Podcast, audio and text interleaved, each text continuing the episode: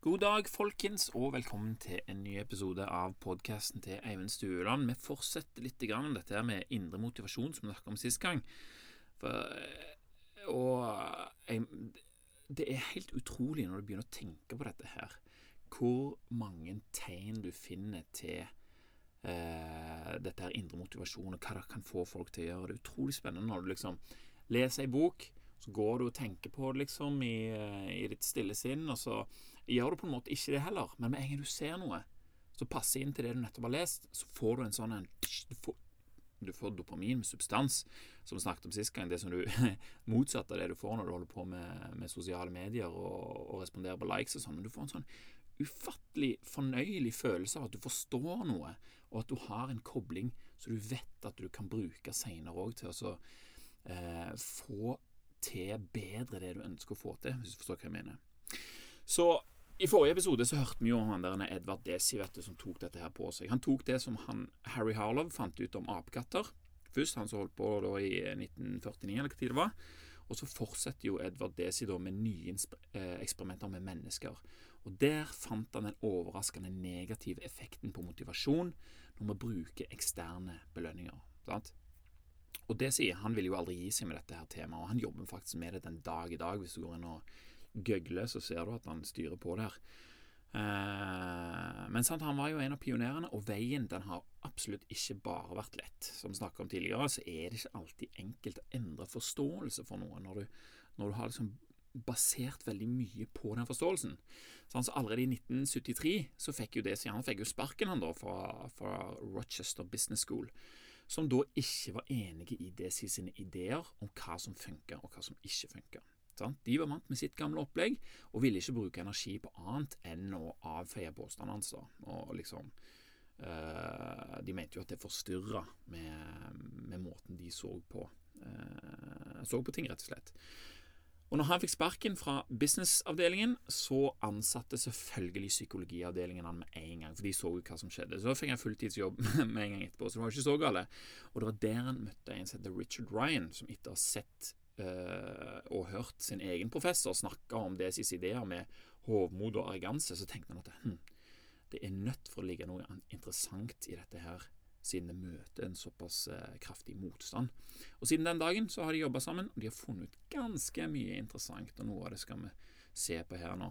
Men det, det er liksom eh, de, de, har funnet Nå vet jeg ikke om det var de som fant akkurat de syv tingene her, eller om det var han eh, som skrev den Drive, den boka. Men uansett, disse syv følgene da kan du i alle fall få av, eh, av ekstern motivasjon. Sant? Nummer én det kan tilintetgjøre indre motivasjon.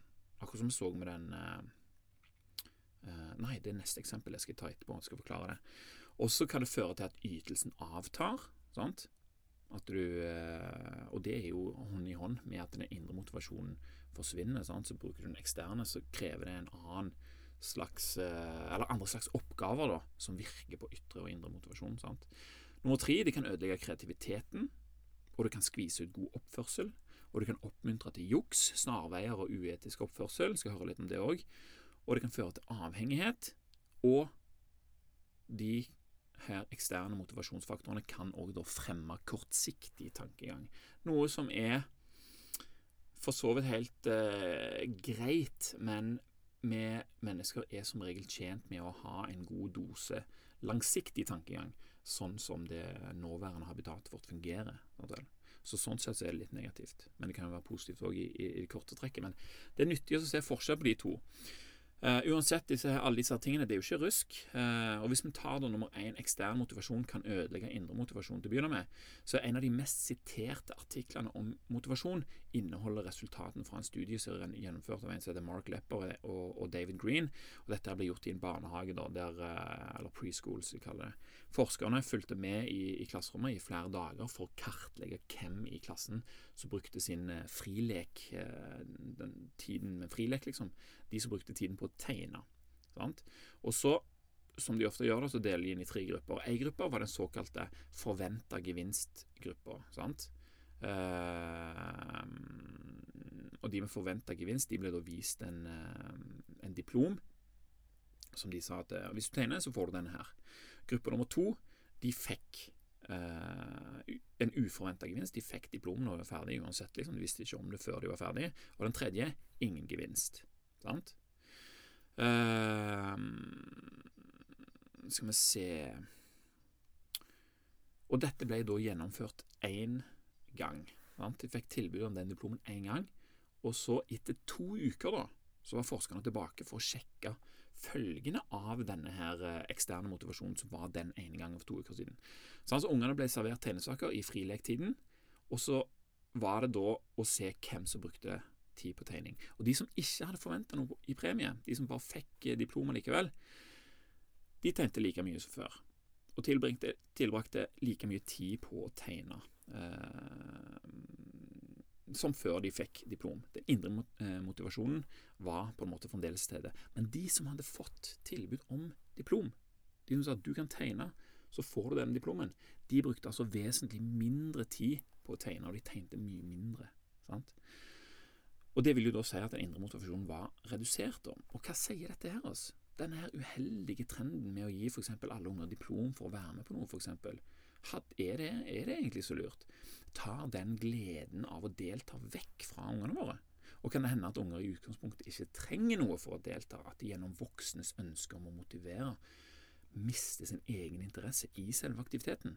Dette er jo ganske alvorlig, spesielt hvis vi ser at følgene er såpass langvarige i ettertid. Liksom, hvor lang tid tar det egentlig før disse ungene her får tilbake sin samme eh, indre motivasjon for å, for å tegne? Uh, og Vi skal se senere på hvorfor den indre motivasjonen til å tegne er bedre enn den eksterne. Uh, og hvordan skal vi altså få dem til å gjøre noe uten å ødelegge denne her lysten deres? Jeg vet ikke, men et eksempel på hva som kan trigge en indre motivasjon, får vi fra Mark Twain et veldig kjent eh, Dette har jeg lest om i flere bøker. Det er mange som drar opp dette her eksempelet, så nå gjør jeg det òg. Og det kommer fra en bok om Tom Sawyer. da, Det er Tom som står og maler gjerdet til tanten sin. Og det er jo selvfølgelig da et arbeid som ikke han har kommet på sjøl at han vil utføre. Han eh, har blitt satt til denne jobben, med andre ord. Sant? Han er ikke motivert. Men løsningen for Tom den kommer som bestilt idet en av vennene hans, Ben, kommer forbi. Og Han begynner jo selvfølgelig da å liksom latterliggjøre Toms skjebne. Uh, men Tom er jo liksom uh, ganske smart fyr, da, og liksom begynner å spille forvirra og sånt, og han liksom legger fram saken at dette er jo et fantastisk privilegium, liksom, å se så fint det blir, og liksom bla, bla, bla, jeg vet ikke helt hva han sa. Men han maler iallfall videre med lidenskap, da, sant? og kompisen blir usikker og, spør etter hvert om å få lov å prøve, og, og Tom han spiller, spiller, helt ut, is i magen. Sant? Han nøler ned og gir ikke Ben malerkosten før han har fått et saftig eple i bytte mot å prøve. Da, sant? Dette var jo Eple liksom, Det er jo ikke sikkert så populært i dag, men i den tida så var liksom det samme som snop, da. Og flere av Tom sine venner kommer forbi, og de går rett på limpinnen, de også. Og snart så er altså hele malejobben utført, og både Tom og vennene hans er fornøyde. Sant vel? Mark Twain drar ut essensen av, de hele, eh, av dette her i en enkel setning som sier at arbeid består av hva vi er forplikta til å gjøre, mens lek består av det vi ikke er forplikta til å gjøre. Og det er der vi ofte blander korta. Altså vi, vi, vi, ser alltid på noe som skal utføres som arbeid, og derfor trenger vi en arbeidstype motivasjon, når det egentlig kan være en lekende type motivasjon som kan sørge for at det arbeidet når en annen dimensjon enn hva, det, enn hva det gjør når det blir sett på som arbeid, hvis du skjønner hva jeg mener. Så I dette tilfellet så var det jo da en jobb som gikk over til å bli lek ved å gjøre oppgaven interessant. Og Ben han eh, betalte til og med for opplevelsen, sant? og belønningen kan altså se ut som at den har en ødeleggende effekt eh, på i utgangspunktet interessante oppgaver. Sånn som tegning interessant. Får du belønning for det? Ikke så interessant. Det kan gjøre lek om til arbeid, og det kan utslette indre motivasjon og sende kreativiteten, ytelsen og den gode oppførselen nedover. Og det er selvfølgelig da tegneforsøket en god indikator på. Folk forventer å øke motivasjon og oppførsel ved å bruke belønning, men ender med å pådra seg den skjulte kostnaden av å undergrave en indre motivasjon mot oppgaven, sier Desi da, etter at han hadde gjennomgått resultatene fra 128 studier på emnet i 1999. Når han begynte å skjønne hvor viktig det her var, så gikk han inn og så, så på disse studiene og fant ut at eh, at det var faktisk sånn. Og dette er et av de mest robuste funnene i samfunnsvitenskapen, samtidig som det er den så å si mest ignorerte. Og et av mine livsmotto er jo jeg lar folk gjøre som de vil, sånn at jeg kan gjøre sånn som jeg vil. Og gir dette mening for meg, så begynner jeg å bruke det, selv om ingen andre ser ut til å forstå hva som foregår.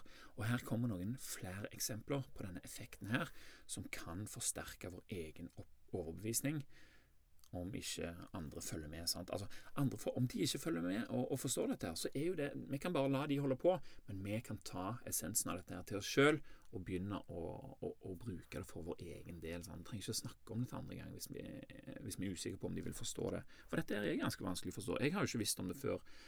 Eller jeg har jo visst om det, eller hatt en følelse for det, liksom. Men idet jeg leser det, så skjønner jeg det mye bedre. Sant? Idet jeg leste den boka, så forstår jeg det sånn. Ah, nå vet jeg hvordan jeg skal bruke det. For Jeg har opplevd det før òg med podkasten sånn at det, med en gang jeg legger på sånn ytre motivasjoner, så, så faller på en måte lysten min til å holde på med det. Og hvis jeg ikke ønsker det resultatet, så går jo jeg ikke for å motivere meg på den måten her. Men uansett, en studie, en studie som faktisk ble sponsa av Federal Reserve eh, i USA da, for å finne ut om disse store belønningene førte til økt ytelse og resultat. For de var jo interessert i det i forhold til penger og sånn som dette, hvordan folk jobbet. Og, eh, og, de ville finne ut om store belønninger, ikke bare sånn fem dollar, sånn som de ofte bruker, men at en, en, en, liksom, en virkelig eh, premie som, som, hadde noe å si for livet til de folka som deltok. da. Og For at det ikke skulle bli for dyrt utføre studien på, i USA, sant, så gjorde de det på landsbygda i India. Og Der fikk de altså tak i 87 deltakere som ble rekruttert og bedt om å utføre diverse oppgaver, som å kaste en ball på et mål, og huske ei tallrekke og løse sånne anagrammer der sånne forskjellige bokstaver er stokka om, og osv. Så videre. så disse øvelsene da krever jo kreativitet, fokus og motoriske ferdigheter hver for seg. Og igjen så ble det sånn delt i tre grupper og forespeila et eh, ytelsesmål som de skulle oppnå da for å få en, eh, en belønning her. Den første gruppa de skulle få fire rupees, som var omtrent ei dagslønn der og da. Neste gruppe fikk 40 rupees, altså ca. to ukers lønn. Det er jo oi, det er jo heavy, det. Og den siste gruppa skulle få 400 rupees, altså nesten fem måneders lønn. Du kan jo se for deg sjøl, hvis noen kommer og ba deg om at ja, hvis du hiver ballen og så treffer denne punktet der, og så klarer det veldig bra, så får du fem måneders lønn. Det, det, skulle du tro var enormt motiverende. Jeg hadde iallfall tenkt at wow, her er det mye på, på spill. Men som du sikkert har skjønt, så viser jo resultatene det motsatte av det vi skulle tro. sant? Mediumgruppa gjorde ikke noe særlig bedre Jeg vet ikke om de gjorde det bedre eller dårligere enn den eh, gruppa med minst, de med bare to-fire uh, rupees. Men den gruppa med 400 rupees gjorde det dårligste av alle på nesten alt. Sitert da, i åtte av ni av de øvelsene vi undersøkte, i totalt tre eksperiment, viser det seg at høyere insentiver fører til dårligere ytelse. Sant? London School of Economics, London School of Economics gikk i 2009 gjennom 51 studier om sånne pay for performance-ordninger, og de konkluderte òg med at finansielle insentiver kan resultere i negativ påvirkning på samla ytelse, som det så fint heter. Dette er jo ikke jeg som skriver på den måten. Men altså, nok et bidrag til denne her etter hvert robuste sannheten om den menneskelige psyken. da. Dette her må vi begynne å bruke hvis vi Eller vi kan begynne å bruke det til vår fordel hvis vi, hvis vi vil. Men hva med kreativiteten, da? Hvordan fungerer insentiver og belønning på den kreative prosessen vår? Har du hørt om The Candle Problem? Dette her er en relativt kjent, uh, kjent eksperiment utført av en som heter Carl Dunker på 1930-tallet. På et bord så finner du ei eske med tegnestifter, og så ved siden av den ligger det et stearinlys, og så ligger det ei fyrstikkeske der. Oppgaven er å feste lyset til veggen og tenne på lyset uten at smelta stearin kan renne ned på bordet. Oftest går jo da forsøkspersonene for å bruke tegnestiftene til å feste lyset, eller å smelte stearin for å feste lyset i veggen. Ingen av delene går, men de fleste havner i løpet av fem til ti minutter på at de kan bruke esken som tegnestiftene ligger i, feste den til veggen med tegnestifter, for så å sette lyset i eska og tenne på. Sant? Og Meningen med det forsøket i utgangspunktet var å se forbi det som kalles for functional fixedness, fixedness og oppdage at esker som inneholder tegnestifter, kan ha en annen funksjon enn det den allerede har, når du først ser den. Er du med? Og Løsningen den er ikke sånn algoritmisk, som det kalles, men den, den, krever nytenking. En algoritmisk oppgave er en oppgave som har en fast oppskritt å følge liksom steg for steg. F.eks. skru inn den skruen, snu boksen, skru inn en skrue på andre sida. Det er liksom ok, steg for steg. Det krever ikke noe kreativitet eller, eller noe sånn eh, indre driv eller noe sånt. Du skjønner det, og du tenker sånn Ok, hvis, hvis du gjør det ti ganger, så får du ti kroner. Hvis du gjør det 20 ganger, så får du 30 kroner, liksom. Sant? På sånne algoritmiske oppskrifter så er det mulig å bruke ekstern Eller da, da virker ekstern eh, motivasjon godt. Uh, nettopp pga. at det ikke krever nytenking eller kreativitet, da, som da eksterne um, motivasjon er kjent for å blokkere. Høyere belønning kan da gi høyere ytelse. Men for å se den alternative bruken av esker, så kreves at forsøkspersonen bryter med den forståelsen han har, for så å oppdage en ny strategi. Og vi vet jo fra før at å oppdage nye ting og sammenhenger, det produserer dopamin. sant? Da er vi inne på tanken på hvorfor dette her er så bra for oss, hvorfor det er så eh, digg, liksom. Og når en er dreven av indre motivasjon, så er det mye større sjanse for å komme til disse her overraskende oppdagelsene. Og dette forsøket var, var først ment for å teste folks evne til å se nye løsninger. Men på 1960-tallet ble forsøket tatt i bruk igjen for å se om folk klarte oppgaven raskere hvis de fikk en belønning. Hva skjedde? De brukte jo selvfølgelig da i gjennomsnitt 3,5 minutter ca. lenger på å løse oppgaven hvis det var en belønning inne i bildet. Et insentiv som var ment for å klarne tankene og øke kreativiteten, endte med å tåkelegge tankesettet og forderve kreativiteten istedenfor.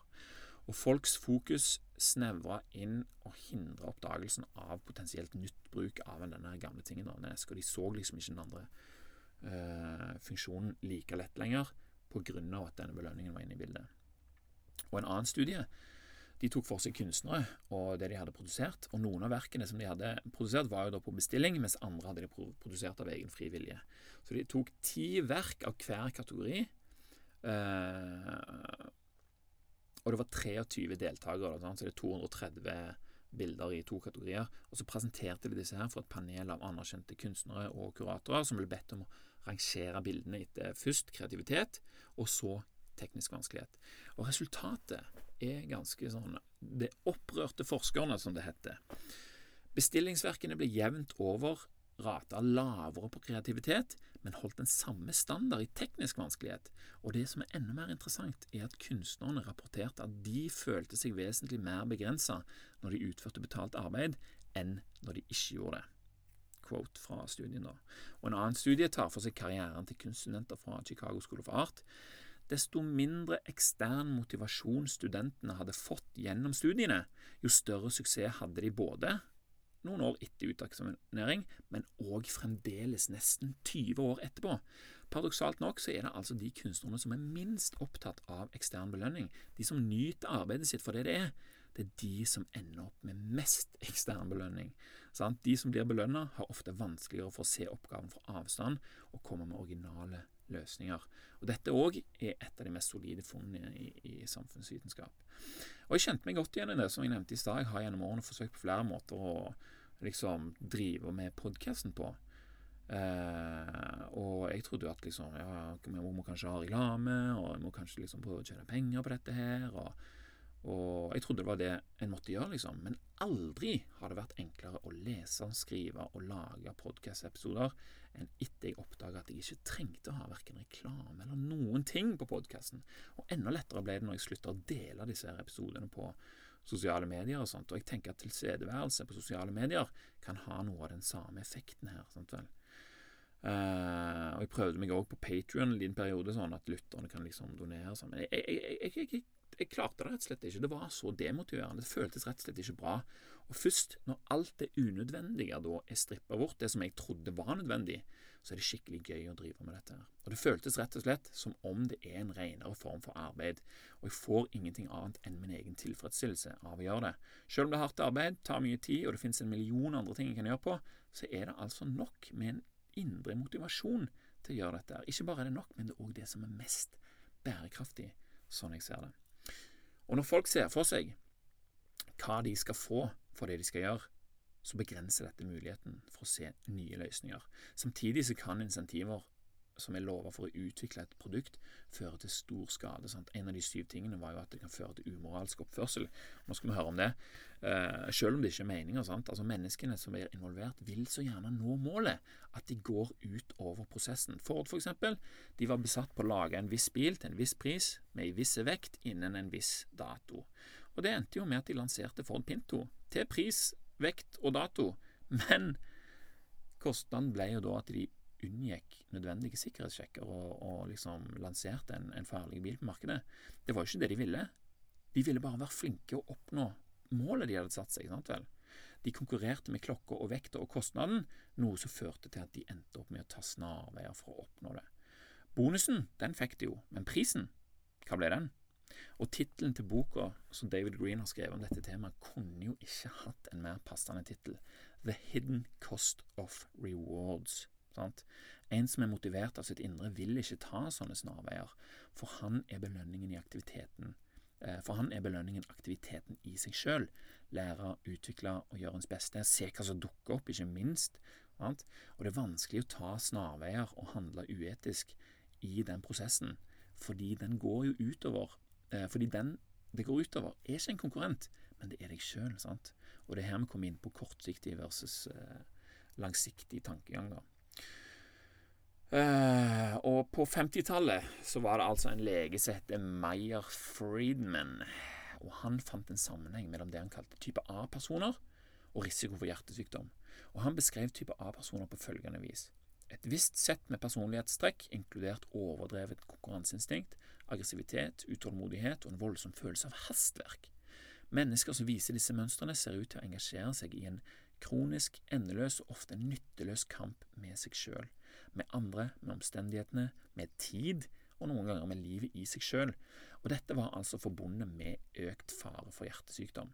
Type B-personer blir sjelden fiendtlige av livets krav, sier han der, eh, Meyer, og tar det mer med ro. De var like intelligente som type A-personene, men de bar sine ambisjoner på et annet vis.